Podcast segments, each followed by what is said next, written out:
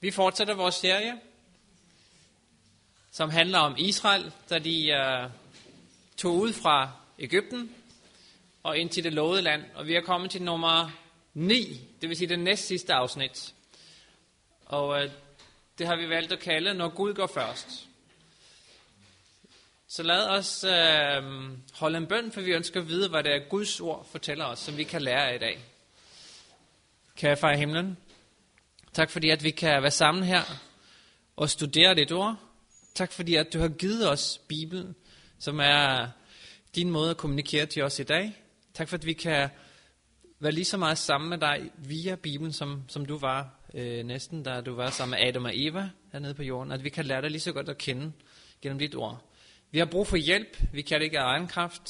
Så jeg beder om, at din helgen må lede os og inspirere os, så at vi kan se med dine øjne, og ikke med vores egne øjne. Jeg beder, at du må være med mig, så de ord, jeg taler, det ikke er mine egne, men at, øh, at din ånd inspirerer mig, så jeg taler dine ord med min mund. I Jesu navn. Amen. Sidste gang, så talte Lasse om, øh, hvordan øh, de sendte, Israel sendte nogle spioner ind i landet, og nogen kom tilbage og fortalte, hvor fantastisk landet var, øh, men hvor forfærdeligt dem, der boede der var. Det var helt umuligt at indtage landet. Og så var det kun to tilbage, som mente, at men det kan vi sagtens klare.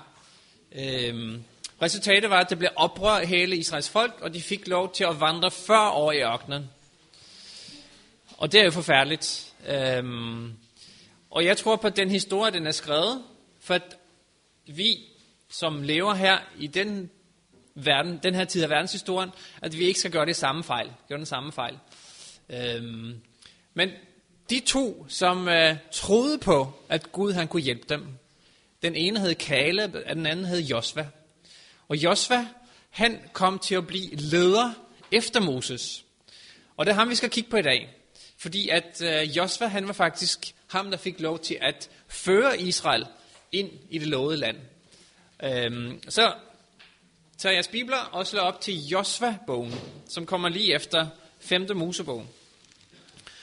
Og der kigger vi på det allerede i det første kapitel, Josva-bogen. Og det er sådan, at Josva, han var jo en, uh, han står her, tror jeg, bævende foran det her kæmpe folk, han har kunne se alle de problemer, som øh, Moses har haft med den, hvordan han øh, har, har kæmpet den ene kamp efter den anden. Og jeg kan forestille mig, at Josva han nok har rystet lidt i bukserne, hvis man siger det på den måde. Hvordan skulle han klare at styre det her kæmpe folk? Og så er det så, at, at Gud han taler til Josva. Og jeg synes, det er enormt opmuntrende at høre de ord øh, til Josva. Og det finder vi i det første kapitel. Og vi læser i vers 5. Og der står der, Josva kapitel 1 og vers 5. Der står der, ingen vil kunne holde stand imod dig, så længe du lever. Ligesom jeg var med Moses, vil jeg være med dig. Jeg lader dig ikke i stikken og svigter dig ikke. Tænk, hvis, hvis jeg også kunne høre de ord. Hvis jeg står øh, foran en stor udfordring, måske står du foran nogle udfordringer i dit liv. Og så er det, at Gud han siger til Josva, han tror også, han siger det til dig, jeg lader dig ikke i stikken og svigter dig ikke. Og mange mennesker, vi, er, vi kan være gode til at love ting. Vi, vi har det sådan med, at vi siger noget, og så er det ikke altid, vi gør det. Men øh, det, Gud, han svigter dig ikke. Han lader dig ikke i stikken. Så på trods af, at mennesker de kan svigte, så vil Gud aldrig svigte dig. Og det gør han heller ikke med Josva. Men så, står, men så siger han videre her i vers 6, Vær modig og stærk. For du skal give dette folk det land i eje, jeg lovede deres fædre at give dem. Ja, vær modig og stærk. Følg omhyggelig loven, som min tjener Moses har pålagt dig. Vil ikke fra den til højre eller til venstre, så vil du have lykken med dig overalt, hvor du går. Så Gud han siger det, at øh, jeg vil, jeg vil ikke svigte dig. Du skal være modig og stærk. Men, men der er en ting. Det er en lille betingelse her. Og det er det, som han siger, det er at øh, følg omhyggelig loven. Og hvis du gør det, hvis du, hvis du ikke viger hverken til højre eller til venstre, men følger den vej, som, som loven er, så vil du have lykken med dig overalt. kunne du tænke dig at have lykke i dit liv? Jeg kunne godt tænke mig at, at være lykkelig. Og Gud han giver så, siger han, hvis du, hvis du følger, og loven her, det er jo det Gud han giver. Loven er et udtryk for, hvem Gud er. Så hvis, hvis, du, hvis du følger det, som er det bedste for dig, siger Gud, så vil du lykken med dig. Og det er jo tit, vi hører dem, altså loven, det kan man ikke følge. Det loven bliver navlet til korset. Men loven gælder stadigvæk. Og det har vi talt om tidligere, at Gud han ønsker at lægge loven ind i vores hjerter. Så det er ham, der gør det. Okay, så det, det er liksom begyndelsen her. Det er Josva, der får at vide det, at jeg vil være med dig, jeg svigter dig ikke. Og nu begynder selve historien her, fordi nu sker der nogle spændende ting. Rent faktisk, hvis vi går til det andet kapitel, så, øhm, så bliver der sendt nogle spioner ud igen. Men det er så kun to spioner den her gang. Og de, står, de er kommet lige hen til Jordan, Israels folk, og de skal til at krydse Jordanfloden. Og så sender Josva to spioner ind i landet for at finde ud af, hvordan er det så. Og der står det i vers 1 i det andet kapitel. Josva, nogen søn, sendte i hemmelighed to mænd ud fra Shittim som spioner. Han sagde, gå over og undersøger landet, særligt Jericho. Så gik de, og de tog ind hos en skøge, der hed Rahab. Der overnattede de. Se, Josva han sender to spioner ud, og de får, får at vide det, at de skal undersøge landet, og særligt Jericho. Og Jericho, det var jo sådan en, en stor by, en befæstet by med en mur rundt, og den skulle de så tjekke op. Og så kommer de ind til en skøge. Er der nogen, der ved, hvad en skøge er? Det er ikke det bedste ord. Øhm, det er ikke det bedste sted, man kan komme hen. Men der viser sig, at den her skøge, at hun faktisk er et menneske, som Gud kunne bruge. Og så tænker man, kan Gud bruge sådan en prostitueret kvinde? Men prøv lige at holde en finger her, så skal vi læse om Rahab et par andre steder i Bibelen. For hvad bliver det egentlig sagt om Rahab? Er det her det eneste sted, der står om Rahab i Bibelen? Det er det nemlig ikke. Hvis vi går til øh, uh, Hebræerbrevet, det 11. kapitel. Fordi den her skøge var nemlig noget, hun havde en indstilling, som jeg tror, at Gud han kigger på i dag også. Dem med den samme indstilling, som hun havde, kan Gud også bruge i dag. På trods af, at de ikke er vokset op i Guds folk. I Hebræerbrevet 11. kapitel og vers 30. Hebræerne 11 og vers 30. Er der nogen, der ved, hvad det her kapitel der kaldes? Troens kapitel. Så her bliver det nemlig nævnt en masse troshelte. Dem, der havde troen i orden, hvis man siger det på den måde. Dem, der virkelig troede. Og her står der så i vers 30. Ved tro faldt Jerikos mure, da israelitterne i syv dage havde gået rundt om den. Og læg mærke til her, hvad der står nu. I tro undgik skøen Rahab at omkomme sammen med de genstridige, for hun havde modtaget spionerne med fred. Så skøen Rahab bliver altså nævnt her i troens kapitel. I det her kapitel, der Abraham bliver nævnt. Og øh, han er nok den største troshelt, hvis man kalder det. Ikke? Og mange af de andre troshelte, så står der pludselig om skøen Rahab. Det står stadigvæk skøen Rahab. Jeg tænker på det, det står skøen Rahab. Jeg tror, det er, at Gud, han kan kalde på mennesker, som har levet et liv, som er dårligt. Mange af de taler, jeg har lyttet til på nettet, øh, er med nogle personer, som virkelig har været langt ude. Blandt andet er der en, der hedder David Ashrick. Er der nogen, der har hørt om ham? Uh, han levede som en punker, og han var virkelig langt ude. Men Gud kaldte på ham og kunne bruge ham. På trods af, at han er helt tatoveret på det ene ben, eller hvor det er for noget, så kan Gud stadigvæk bruge ham. Men Gud sørger for, at det sker en forvandling i hans liv. Men tatoveringene er der stadigvæk. Og navnet skøen Rahab er der stadigvæk. Så, så på trods af, at Gud han kan tilgive, så har nogle gange den synd, vi har gjort, nogle konsekvenser. For eksempel David, kong David. Kan I huske, han syndede imod Gud på en forfærdelig måde, da han, da han øh, syndede imod Bathsheba og fik dræbt Bathshebas mand. Bagefter så fik David tilgivelse af Gud. Han angrede Og det kan vi læse om i Bibelen, hvordan David han angrede. Men synden havde en konsekvens stadigvæk. Jeg tror på, at hvis I ser på Davids sønders historie, så er det ikke den bedste. Jeg tror, at de har mistet respekten for David i det, han gjorde. Så på trods af, at vi kan få tilgivelse og komme til Gud med det, så har synden en konsekvens. Øhm, så derfor tror jeg, at det stadigvæk står skøen Rahab. Men lad os læse lidt mere om Rahab. Øh, ja?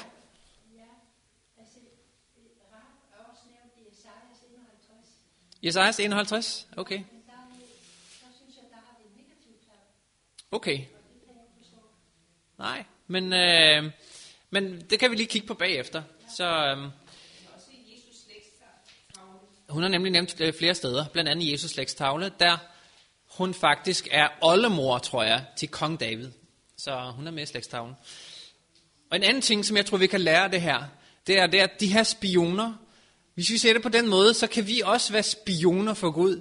Vi bliver sendt ud for at undersøge, om det findes nogle mennesker, der kunne tænke sig at vide om Gud. Jeg tror på, at hvis vi oprigtigt går ud med det formål og ønsker at føre budskabet ud til verden, så vil Gud sende os til dem, som han ved er modtagelige over for det. Jeg tror ikke, det var tilfældigt, at de spioner ramte lige Rahab. At Gud sådan ledede dem lige præcis til Rahab. Øhm. Og så hvis vi læser videre her, fordi at øh, hele Jericho, de var sådan højspændte, fordi de havde set det der store folk, der overnattede eller teltede lige på den anden side af Jordan. De kunne stå på muren og kigge hen til folket. Og jeg kan forestille mig, at de var ret nervøse over det her. Øhm, så, så det var ikke nemt for spionerne, og, og rygterne gik, der kom nogle mænd ind i Jericho. Og så står der her i det andet kapitel,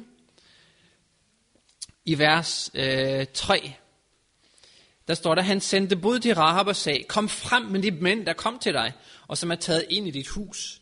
De er nemlig kommet for at skaffe sig oplysning om landet, om hele landet. Så øh, rygterne går, at der er kommet mænd ind øh, i byen, og så siger Rahab så, og så spørger man, prøv at lægge mærke til, øh, er det rigtigt det, hun siger, eller er det forkert? Men kvinden havde taget de to mænd og skjult dem. Hun sagde, jo, der kom nogle mænd til mig, men øh, jeg vidste ikke, hvor de kom fra. Og da porten skulle lukkes ved mørkets frembrud, gik det. Jeg ved ikke, hvor det er taget hen, men øh, hvis I skynder jer at sætte efter dem, kan I sikkert indhente dem. Øh, hvad er det? Sandhed, eller er det løgn? Det var lidt usandhed. Øh, er det, altså, kan vi så slutte, at det er okay at lyve, hvis det er en god sags tjeneste? Okay. Jeg tror det, at Bibelen siger, at du skal ikke lyve. Øhm, de her, men jeg tror, at Gud han er forstående over, fordi at Rahab nok ikke kendte Gud så meget på det tidspunkt. Men lige en lille historie, som jeg hørte af Sandy her, som hun fortalte. Hvis vi virkelig tror på, at vi skal følge Guds bud, lige meget hvad, så vil han være med til at hjælpe os. Og det er en historie fra 2. verdenskrig. Under, øh, det var en tysk by, og øh, tyskerne de forfulgte jøderne. Og det var så en, en kristen kvinde, der gemte nogle jøder. Øh, og tyskerne var i gang med at banke på døre for at spørge og for, for søge efter jøder. Og den her kvinde, det var gået op for hende, hun var lige blevet kristen, hun sagde det, jeg vil følge Gud lige meget hvad. Og jeg vil ikke lyve. Så hvis de kommer og banker på døren, hvad skal jeg så gøre? Jeg ved, jeg har gemmer nogle jøder her. Hvad skal jeg så gøre? Men hun beslutter sig for, at hun ville følge Gud lige meget hvad. Og så kommer soldaterne selvfølgelig og banker på hendes dør, og de spørger, gemmer du nogle øh, jøder hos dig? Og så siger hun, ja, det gør jeg. Og så siger soldaterne, nå, okay, hej hej. Og så gik de videre.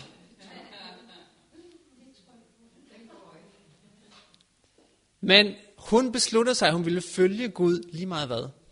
Og Gud sørger for, jeg ved ikke hvordan, men at soldaterne måske har hørt forkert, eller hvad det har gjort, men lige meget hvad, så ledede Gud i den. Jeg tror også, at hvis Rahab havde besluttet sig her for, at hun ville sige, jamen de er her, så ville Gud nok have sørget for dem på samme måde. Men det vi kan læse i stuen er det, at Rahab, hun kender ikke Gud 100% endnu. Men hun havde et oprigtigt ønske efter at følge Guds vilje. Og derfor tillader Gud, at vi er på forskellige vandring, eller vi er på forskellige steder i vores vandring sammen med Gud. Og der kan det være, at han på den måde tillader, at det her sker. Men Jo længere hun ville have lært Gud at kende, så ville hun måske have indset, at her, så skulle jeg have sagt sandheden. Lad os læse videre her. Fordi, hvis vi går til vers 8, så kommer nøglen, tror jeg, til mange af de ting, som vi kan læse om i det gamle testamente, som kan være lidt uforståelige nogle gange. For det står, før mændene gik til ro, kom hun op på taget til dem og sagde, jeg ved, at Herren har givet jer landet. Vi er grebet af redsel for jer. Jeg alle landets indbyggere skælver i angst for jer. Og så står det bagefter, hvordan hun fortæller, hvordan hun har hørt om nogle historier om dem, og hvordan Gud har ledet dem i ørkenen. Og så øh, i vers øh, 11, da vi hørte det, mistede vi modet, og vi følte os alle sammen magtesløse over for jer. For Herren, jeres Gud, er Gud både oppe i himlen og nede på jorden. Svær nu ved Herren, at I vil vise min fars slægts godhed. Fordi jeg har vist jer godhed. Giv mig et sikkert tegn på, at I vil lade min far og mor, mine brødre og søstre, og alle, der hører dem til, blive i live og redde os fra døden. Se Rahab her. Hun har hørt om Israel. Hun har hørt om det her store folk, som vandrer rundt i ørkenen. Og på en eller anden måde, så kan hun se, at der er noget specielt med det. Hun kan se, at det her folk, det er ikke som alle de andre folk. Og hun får en længsel efter at lære den Gud at kende, fordi hun har hørt om det folk, og hvad Gud har gjort for dem. Se, det er det, der var mening med, at Gud havde et folk. Det var derfor Gud, han brugte et folk. Fordi han ville bruge det folk til at fortælle resten af verden, hvem han var. Og det er derfor, tror jeg, at Gud han har brug for et folk i dag også. Ikke fordi, at det folk er bedre end de andre folk. Men hvis, hvis Gud kan have nogle mennesker, som følger ham i tygt og tyndt, lige meget hvad, så vil andre mennesker rundt omkring se, wow, det er et eller andet specielt med dem. Hvorfor er det på den her måde? Og så vil de også ønske at lære Gud at kende. Det er derfor Gud har brug for et folk. Det var derfor Gud har brug for Israel. Lad os lige læse det i 5. Mosebog, bare så I kan se det, hvad Bibelen selv siger i det fjerde kapitel.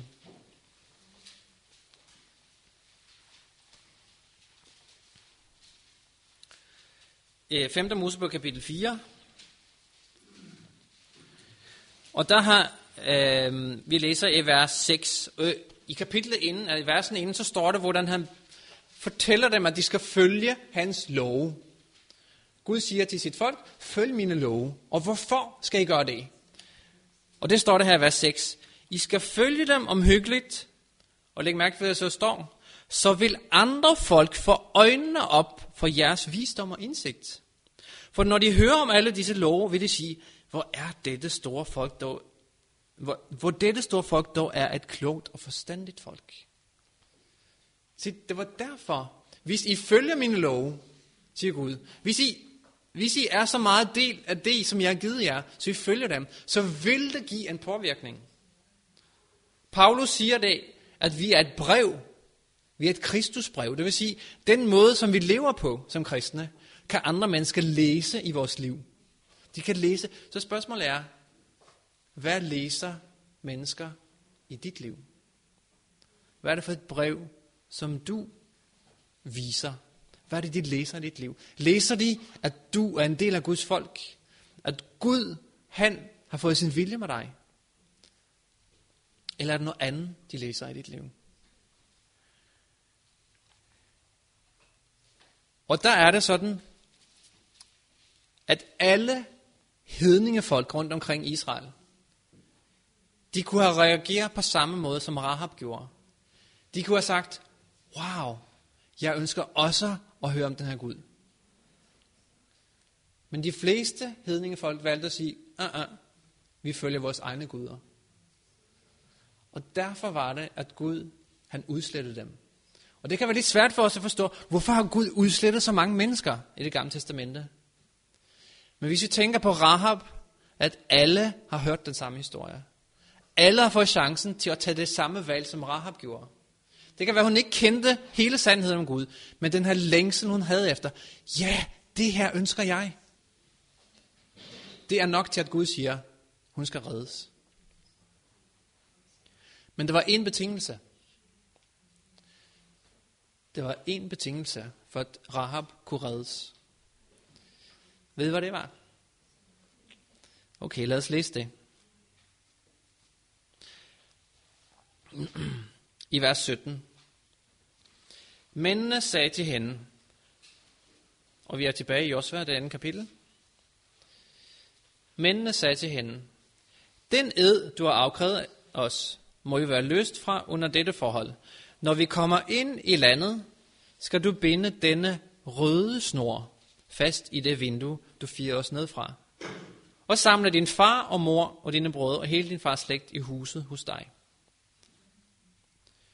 Hun skulle binde en rød snor i vinduet. Hvorfor skulle hun binde en rød snor i vinduet? Der er et tegn. Se, på engelsk så hedder det, så er det oversat med scarlet. Og den her farve, scarlet, er den samme farve, som går igen, hvis vi kigger på præstedragten for eksempel. Så var scarlet ind af den røde farve. Det var den samme farve, der gik igen, når Israel på vej ud af Ægypten skulle stryge blod på dørstolperne. Den røde farve er symbolet på Jesu blod. Så hvis Rahab skulle få frelse fra døden, så var han nødt til at vise det ved at tage Jesu blod og vise for de andre, at hun troede på, at Jesu brug det, det frelser.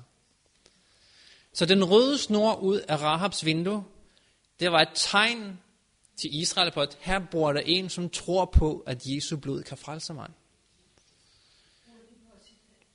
Ja, det er det også i dag. Ja. Men jeg tror også, at mange af de andre mennesker, der boede i Jericho, de har undret sig over den her røde snor, der hang ud af vinduet.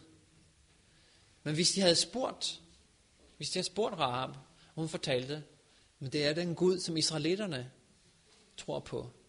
Jeg tror på, at han kan frelse mig. Så ville de også have haft en chance. Men de hånede, måske. Fordi den røde snor, og det eneste mulige for, at jeg kan blive frelst, er på grund af, hvad Jesus har gjort for mig. På grund af det offer, han gjorde. Fordi jeg skulle dø. Egentlig alle mennesker fortjener at dø. Men på grund af, at Jesus døde i stedet, i stedet for mig, så får jeg chancen. Jeg er nødt til at tro på det, og nødt til at vise det i mit liv. Men så står der her, der var faktisk flere, der fik mulighed for at blive frelst. Og blive reddet, når Gud skulle indtage byen. Vi læser videre her i vers 19. Hun havde blivet bedt, lige bedt om at samle hele sin familie i huset. Og så står det i vers 19. Hvis nogen forlader huset, skal hans blod komme over hans eget hoved. Så er vi uden skyld. Så det vil sige, at hun blev bedt om, okay, samle hele din familie i dit hus. Og alle, som er inden for husets fire vægge, når vi kommer, det huset med blodet på, eller med, med en røde snor, de vil blive reddet. Men hvis du forlader huset, så er du selv ud om det. Det er kun ét sted, du kan blive frelst. Du kan kun blive frelst, hvis du befinder dig det rigtige sted. Hvad betyder det? Da syndfloden kom, hvor skulle man være for at blive frelst?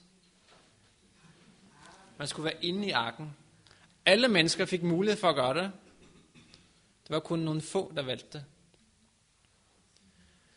Jeg tror på, sammenholdt med, at Gud han bruger et folk for at fortælle verden, hvem han er. Så siger han også, kom ind og bliv en del af det folk. Du er nødt, hvis du ikke er der, så er du selv ud om det. Hvis du kan se, at det her er sandheden. Hvis du kan se, Bibelen, det her Bibelen siger, det her system af løfter, det her system af truspunkter, hvis det er, hvad jeg har bedt dig om, så tag hen til det sted og bliv en del af det hus. For når jeg kommer, hvis du ikke har blodet på dine dørstolper, hvis du ikke er det rigtige sted, så er du selv ude om det. Du har et frit valg. Påsken, ja. Og det er også, Gud i endens tid, så beder han sit folk om at kalde alle dem ud, som befinder sig i Babylon. I ved, at Babylon i Bibelens profetier er et symbol på det falske religiøse system. Og Gud han siger, i det system, så findes der mange trofaste efterfølgere. Men Babylon går ned. Skibet går ned. Så I skal ud derfra, inden skibet går ned. Så hvis du befinder dig i et kirkesamfund, som ikke følger Guds lov, så vil du gå fortabt, hvis du ved det, hvis du er bevidst om det, når Jesus kommer tilbage. Så derfor siger han, jeg elsker dig for meget til at gå fortabt. Og det her er vigtigt, lyt efter nu. Det handler om din frelse. Ønsker du at være en del af Guds menighed, så er det kun et sted. Det er det sted, som følger Guds lov og har Jesu tro. Og Jesus han siger det. Jeg siger det, for jeg elsker jer. Kom ud fra Babylon. For Babylon går ned. Det er et alvorligt kald. Men det er ikke fordi Gud han hader os, det er fordi han elsker os. Han vil, at vi skal blive frelst. Og det var, hvis nogen forlader huset, skal hans blod komme over hans eget hoved.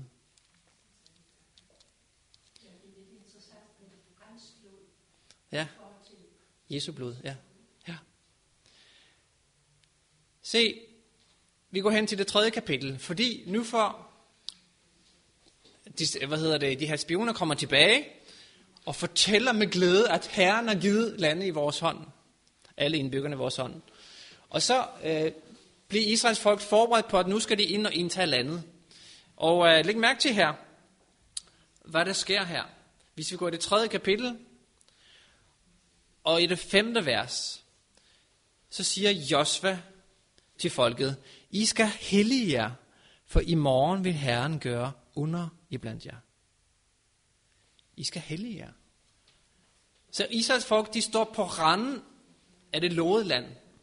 De er lige på vej ind, men inden I kan komme ind, så skal I hellige jer. Hvad betyder det?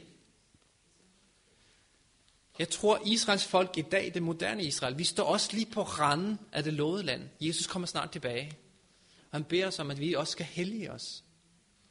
Og hellige, det skulle de, de skulle vaske sit tøj, og de skulle rense sig. Er der noget i dit liv, som holder dig væk fra Gud? Er der noget, som du har behov for at få renset ud, inden du kan komme ind i det lovede land? Du kan ikke selv gøre det, men du kan give Gud tilladelse til, at han renser i dit liv. Og det er det, Israel får at vide her. Tænk efter, er der noget, som jeg selv går og bærer på, som jeg ved holder mig væk fra Gud? Ønsker jeg at komme af med det her? Så vil Gud fortælle dig, at jeg kan hjælpe dig med det. Og det får det at vide, inden de skal erobre det lovede land. Og det, som er spændende, det er, hvordan kom de så ind i det lovede land? Der skulle de nemlig passere Jordanfloden. Og på det her tidspunkt, så gik Jordanfloden over dets bredder. Hvis de havde ventet en måned, eller taget en måned før, så havde vandstanden været meget lavere. Men Gud har vælger altså lige på det her tidspunkt, at de skal passere Jordanfloden. Hvorfor? Jeg tror, der er to årsager. Det ene er, punkt 1, så kunne de overraske landets indbyggere, fordi de havde ikke regnet med, at de kunne komme over floden på det her tidspunkt. Og punkt 2, som måske er det vigtigste, for Gud er ingenting umuligt. Hvis Gud går forrest, så er ingenting umuligt. Lad os læse det her i vers øh, 14 i det tredje kapitel. Så brød folket op fra deres telte for at gå over Jordan, og præsterne, der bar pagtens ark, gik i spidsen for folket. I hele høsttiden går Jordan over sine brødre. Men da præsterne, der bar arken, kom ned til Jordan og satte foden i vandet, vandkanten, stansede vandet, så kom op fra. Det rejste sig som en vold langt oppe ved byen Adam, som ligger ned til øh, Saratan. og så videre. Og så folk gik over floden ud for Jericho.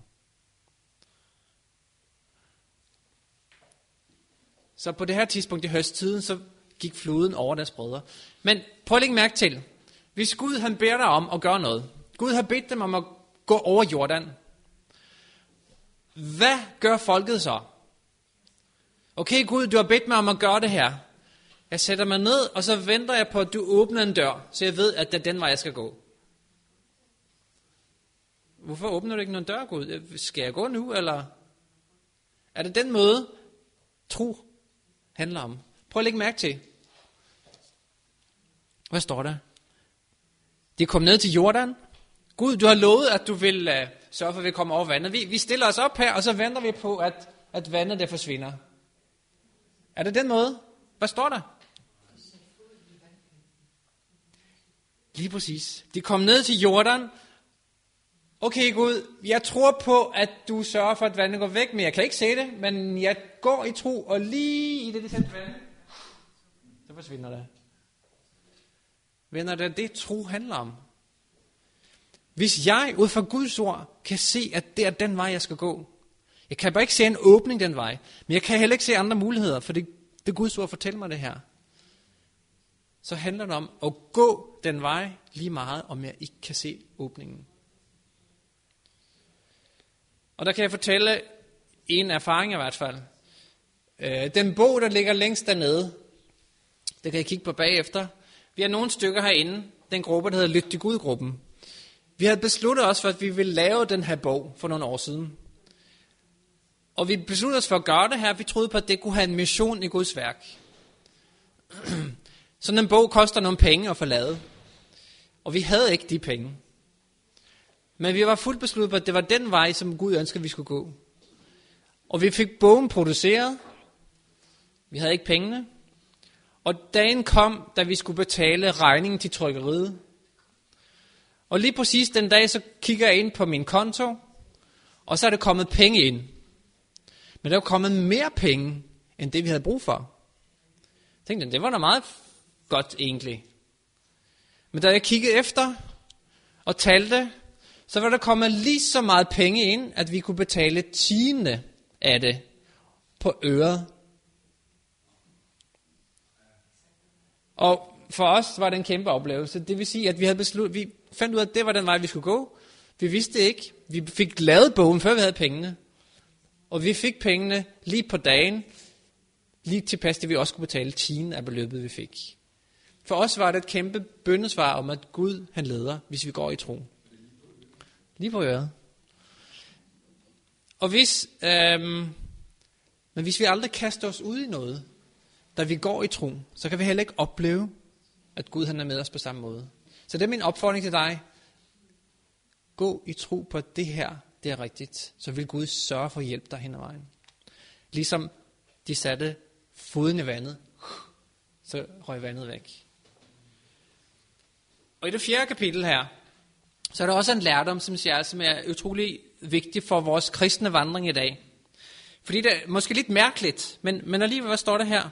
I det fjerde kapitel, så står der det, at øh, øh præsterne, eller det var faktisk 12 mænd, når de gik igennem Jordan, så skulle de samle 12 sten fra Jordanfloden. Der skulle de bære med op på flodbredden. Og der skulle de bygge et alter. Og hvorfor skulle de det? Det står i vers 6 i det fjerde kapitel. Så står der, det skal være et tegn blandt jer. Når jeres sønner i fremtiden spørger, hvad er det for sten?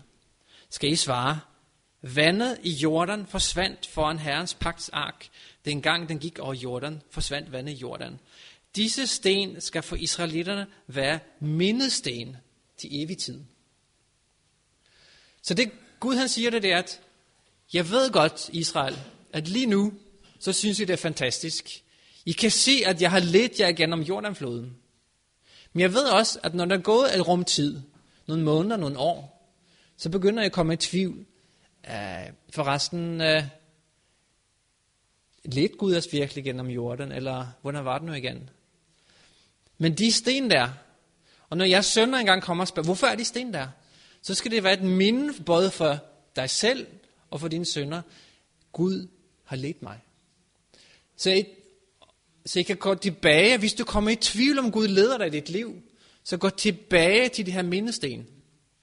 Så vil du huske på, ja, selvfølgelig, Gud ledte mig der, så vi har også ledet mig lige nu. Så hvis du er nede i en bølgedal i din vandring med Gud, så er min opfordring til dig, at du går tilbage til nogle af de steder, til nogle af de tidspunkter, tænker over nogle ting i dit liv, der Gud har ledt dig. Så ved du, at han også vil lede dig lige nu. Måske kan det være en god idé, at når du måske har fået et bøndesvar engang, at du skriver det ned. Skriv dine bønder ned. Skriv de ting, du beder om i en bog. Og skriv, når du har fået svar. Så kan du læse det, når, når du har bølgedag i dit liv.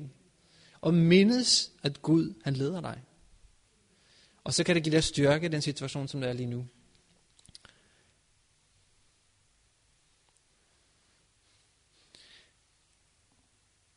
Vi går videre, fordi at Israel er nu kommet over på den anden side. Og øhm, nu er det så en lille forhindring, en lille anførselstegn. Det er den her kæmpe by, som hedder Jericho. Med de her uindtagelige mure. Og hvad skulle Israel så gøre? Vi går til det 6. kapitel. I vers 1, og der står der, Jericho var lukket og låst for israelitterne. Ingen kunne gå ud eller komme ind. Det var lukket land, det her. Men Herren sagde til Josva, se, jeg giver dig Jericho og dens konge i din hånd. Nu skal alle i kriger i seks dage gå rundt om byen en gang om dagen. Syv præster skal bære syv vederhorn fra en arken, men den syvende dag skal I gå rundt om byen syv gange, og præsterne skal støde i hornet. Når vederhornets lange tone lyder, og I hører lyden fra hornet, skal hele folket udstå et kamprum så højt, at byens mur falder sammen, og folket kan gå lige ind. Lad I mærke til, hvad Gud han kaldte de mennesker, der skal gå rundt om byen. Kriger. Øh, ved I, hvad det var for nogle, de der kriger? Det var, det var altså nogen, der havde levet som forhørte i Ægypten. Og de kalder Gud for kriger nogle tabre kriger. Så jeg tror på, at hvis jeg indser, at jeg ingenting er, og lader Gud lave arbejdet for mig, så ser Gud på mig som en kriger. Vi lever jo i en krig mellem det gode og det onde, og vi er brikker i puslespillet. Men vi er kriger for Gud. Du er en kriger for Gud. Og du behøver ikke være uddannet på krigerskolen du kan sagtens være en forhørte i overført betydning. Du kan være en, som ingenting ved af verdens visdom. Hvis du lader dig lede af Gud, så er du den bedste kriger, han kan bruge.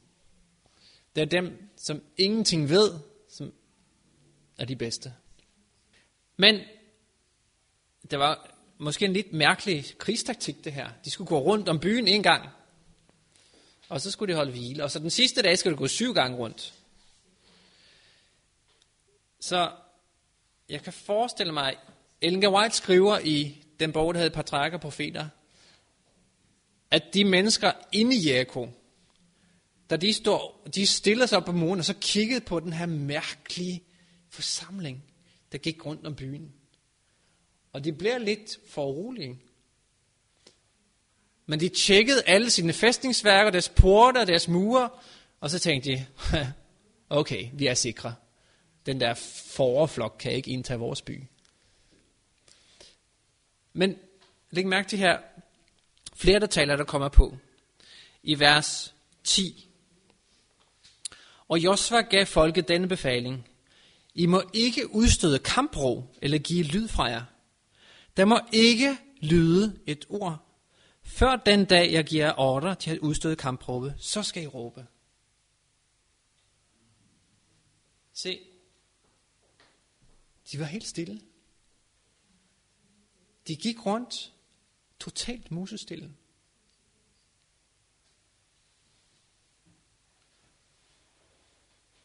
Det må have set mærkeligt ud. Jeg ved ikke, hvor mange mennesker. En million mennesker, hvor mange det var. Helt stille. De går bare rundt om byen, og så tilbage igen. Og næste dag, helt stille, vandrer rundt. Stilhed i Bibelen har en betydning. Fordi når Gud kæmper, så skal vi være stille. For det er ham, der kæmper. Og Ellen G. White benytter anledning her i den bog til at fortælle det, at det med stillhed er blevet et problem. Også i vores kirker i dag. At der er for meget larm og spektakel. At vi har brug for at komme tilbage til stillheden. da vi kan tænke over og meditere over, hvad Gud han gør for os. Der er for meget larm. Lad os lige læse et vers i Habakkuk's bog. Og det er en af de svære at finde. Det er en af de små profeter. Hvis det er i øh, den her 92 oversættelse, så er på side 834.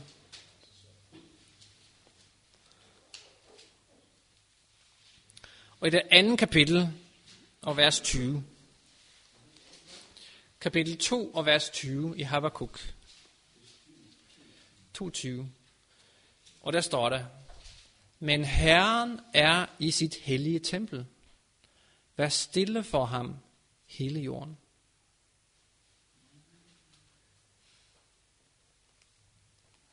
Jeg tror på, at også i vores kirke, vi beder jo Gud om at være til stede. Måske skulle vi igen tænke på respekten for Gud i hans hus. Tænk over, er det den stillhed, der vi kan høre Guds stemme? Han er i sit hellige tempel. Jeg kan huske lige den her skriftsted stod for en indgang til den kirke, der jeg voksede op i. Og vi fik jo videre, at når man gik ind i den sal, så skulle man være stille. Er det noget, vi kunne tænke over os i vores egen menighed? Fordi Gud, han arbejder for os i stillhed. Og det var det, Israel fik at vide her. Når Gud går foran, skal I være stille. Det er ham, der laver arbejdet. Men de skulle også råbe på et tidspunkt. Og det kan vi læse om i uh, det 16. vers i det 6. kapitel. Den syvende dag støtte præsterne i hornet, og Josva sagde til folket, udstød kampråbet. Herren har givet jer byen. Der skal lægges band på byen. Den og alt, hvad der er i den, skal tilhøre Herren. Kun skøen Rahab og alle, der er i huset hos hende, skal I blive i live. Fordi hun skjulte de band, vi sendte ud. Men hold jer for det, der er lagt band på, så I ikke kommer til at begære det, og tage noget af det, der er lagt band på, så I bringer bandet over Israels lejre og styrter Israel i ulykke. Alt sølv og guld og ting af bronze og jern skal helliges Herren. Det skal bringes til Herrens skatkammer. De får at vide det, I skal ind og indtage byen her, men alle de ting, som er derinde, alle de flotte ting, guld og sølv og alle tingene, skal I ikke tage. Og hvorfor, får vi høre lige om lidt. Men Israel fik at vide, at I skal ikke tage noget af det. For Gud vidste, at der er noget, der hedder begær. Og det begær kan føre til så meget ondt. Og så står det i vers 20. Folket udstødte kampråbet, da det blev stødt i hornet. Da folket hørte lyden fra hornet, udstødte de et kampråb så højt, at muren faldt sammen, så de kunne gå ind lige ind i byen og indtage den. Var det fordi, at de råbte højt, at muren den faldt? Var det på grund af alle de mange decibel? Simon, du er ingeniør. Kan man få muren til at falde på grund af mange decibel? Nej, det var selvfølgelig Gud, der sørger for det. Men Gud havde bedt dem om at råbe, og det gjorde de på det tidspunkt. Og de vidste, at det var Gud, der sørgede for sejren for dem. Og som det stod også, Rahab, hun blev, hun blev beskyttet. Det står rent faktisk sidst i vers 25. Hun kom til at bo blandt israelitterne og gør det den dag i dag. Rahab, som ikke var vokset op som, skal vi kalde det, adventist, eller i det hele taget kristen, som var en hedning, en skøge, en prostitueret. Gud elsker også de mennesker. Og han ønsker, at de skal lære ham at kende. Og Rahab viste det ved at hænge snoren i vinduet. Hun gik i tro på, at det her kan lade sig gøre. Og det betød frelse for hele hendes hus. Og til sidst vil vi afslutte med en ting, der er sket. Fordi Gud har bedt dem om, at de ikke skulle tage nogen af tingene. Men så står det i kapitel 7 i det første vers. I troløshed forgreb israelitterne sig på det, der var lagt band på. Akan, søn af Karmi, søn af Sabdi, søn af Sera fra Judas stamme, tog noget af det, der var lagt band på. Der flammede herrens fred op mod israelitterne. Og så kommer der en historie her om, at det var en lille by i nærheden. Israel havde lige vundet over den her kæmpe by. Og så var der sådan en lille by i nærheden, der hed Ej. Og så tænkte de, okay, hvis vi har vundet over den her store by, så kan vi sagtens indtage den der by, uden at sende ret mange mand afsted. Kun 2-3.000 mand, så skal vi nok klare den. Hvor er Israel dum? Gud havde lige vundet en sejr, en kæmpe sejr, og så tror de, at de kan klare den selv. Sker det også nogle gange i dit liv, at Gud har vundet sejre, og så bliver du kæphøj og tror, du kan klare det helt selv? Og hvad bliver resultatet så? Den her bitte lille by, som, altså, bare 2-3.000 mand, så skal vi nok klare den. Det står i vers 5 i det 7. kapitel. Mændene i Ej slog 36 af dem ihjel. De forfulgte dem fra byporten til stenbruden og huggede dem ned på skrænten. Der mistede folket mod det sivede bort som vand. Ah, har de lige vundet en kæmpe sejr. Og så taber de mod en lille by. Selv Josva her glemte at spørge Gud, om de skulle indtage byen. De gjorde det af egen kraft. Og venner, det er hemmeligheden i vores kristne vandring. Hvis vi prøver at gøre noget af egen kraft, så vil det føre til nederlag. Det er Gud, der går først. Det er Gud, der, og ham alene, der kan vinde sejre. Hvis jeg i stillhed samarbejder med Gud. Men så var der en lille detalje. For det var en af Israels folk, der havde taget noget fra Jericho. Og resultatet af, at han havde taget noget, betød faktisk, at hele Israel blev påvirket. Og historien ender med her, at det blev kastet lod, for det Gud han siger, det er noget iblandt jer, som gør, at jeg ikke kan arbejde 100%. Det er synd iblandt jer. Og der vil jeg læse, fordi det her vil jeg ikke sige med egne ord. Det skal være rigtigt, fordi at det her er måske lige provokerende nok, hvis det var mine ord. Men når det er Guds profet, der siger det, så lad os lytte til det, og se om det også kan gælde i vores liv. Det står i patriarker og profeter, der fandtes skjult synd i lejren. Og den skulle findes og bortskaffes, før Herren atter kunne bo hos sit folk og velsigne dem. Synderen blev ikke udpeget direkte, men sagens opklaring blev udsat et stykke tid, for at give folket tid til at føle deres medansvar for de synder, som fandtes i deres midte. Og til at rense deres hjerter og ydmyge sig over for Gud. Den frygtelige synd, der førte til Akans ulykke, det var ham, der havde stjålet det her ting, havde sin rod i begærlighed. Det er en af de synder, der forekommer hyppigst og bliver betragtet med størst ligegyldighed. Mens andre synder bliver opdaget og straffet, er det meget sjældent, at folk bliver rettesat, når de overtræder det tiende bud. Du skal ikke begære. Akans skæbne viser, at begærlighed er en meget stor synd, og den får de frygteligste følger. Akan begærede, han ville have ting, guld og grønne skove. Han tog det og gemte det og troede, at det kan der ingen se. Er der nogle ting, som du begærer i dit liv? Og begær, det er kun dig selv, der ved det jo. Der er ingen andre, der kan se det. Men Gud kender dit hjerte, og kender mit hjerte. Men resultatet her var, at det gik ud over hele Israels folk. Det står, Akans synd styrtede hele nationen i ulykke. Guds vrede vil forblive over menigheden på grund af et menneskes synd, indtil synderen er fundet og fjernet. Menighedens største far er ikke åbenlyse modstandere, vantro mennesker, gudsbespotter, men mennesker, der bekender sig til at være kristne, men ikke følger Kristus. Det er sådan, der er skyldig, at Gud holder sin velsignelse tilbage, og at hans folk svækkes. Det er hårde ord, og jeg tror ikke, det er, at vi skal ud sådan og prøve at finde ud af, hvem er årsagen til, at det ikke går godt i vores menighed.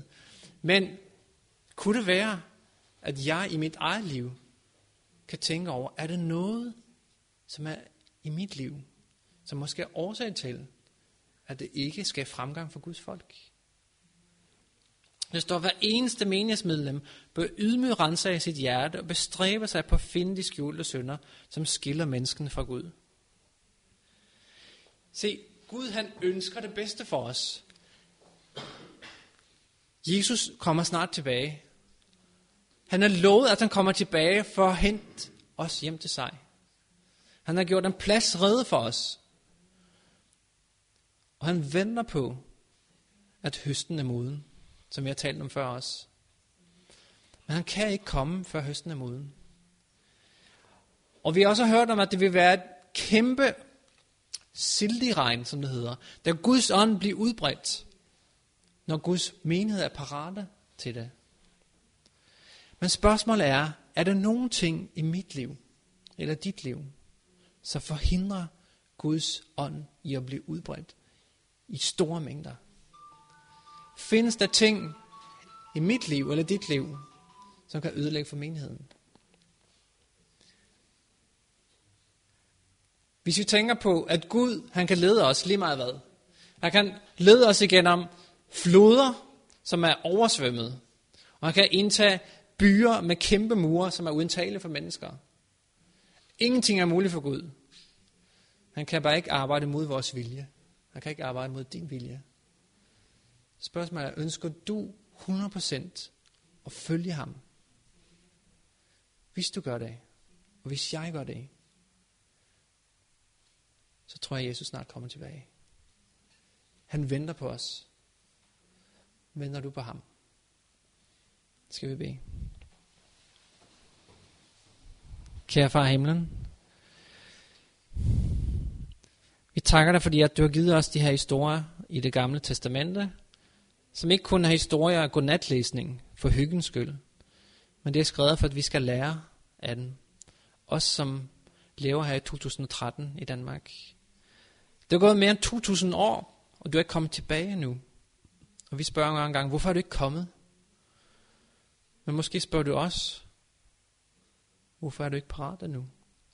Hvorfor går du rundt og bærer på synd i dit liv, som du kan give til mig for længe siden?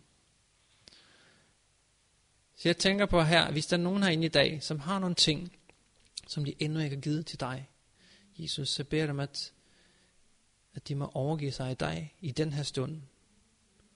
Så at vi sammen kan stå sammen som menighed, og med en mund forkynde sandhedens budskab for resten af verden. Ikke fordi vi er bedre, ikke fordi at vi er på et højere niveau end andre, men fordi du ønsker at bruge os til at fortælle resten af verden, hvem du er.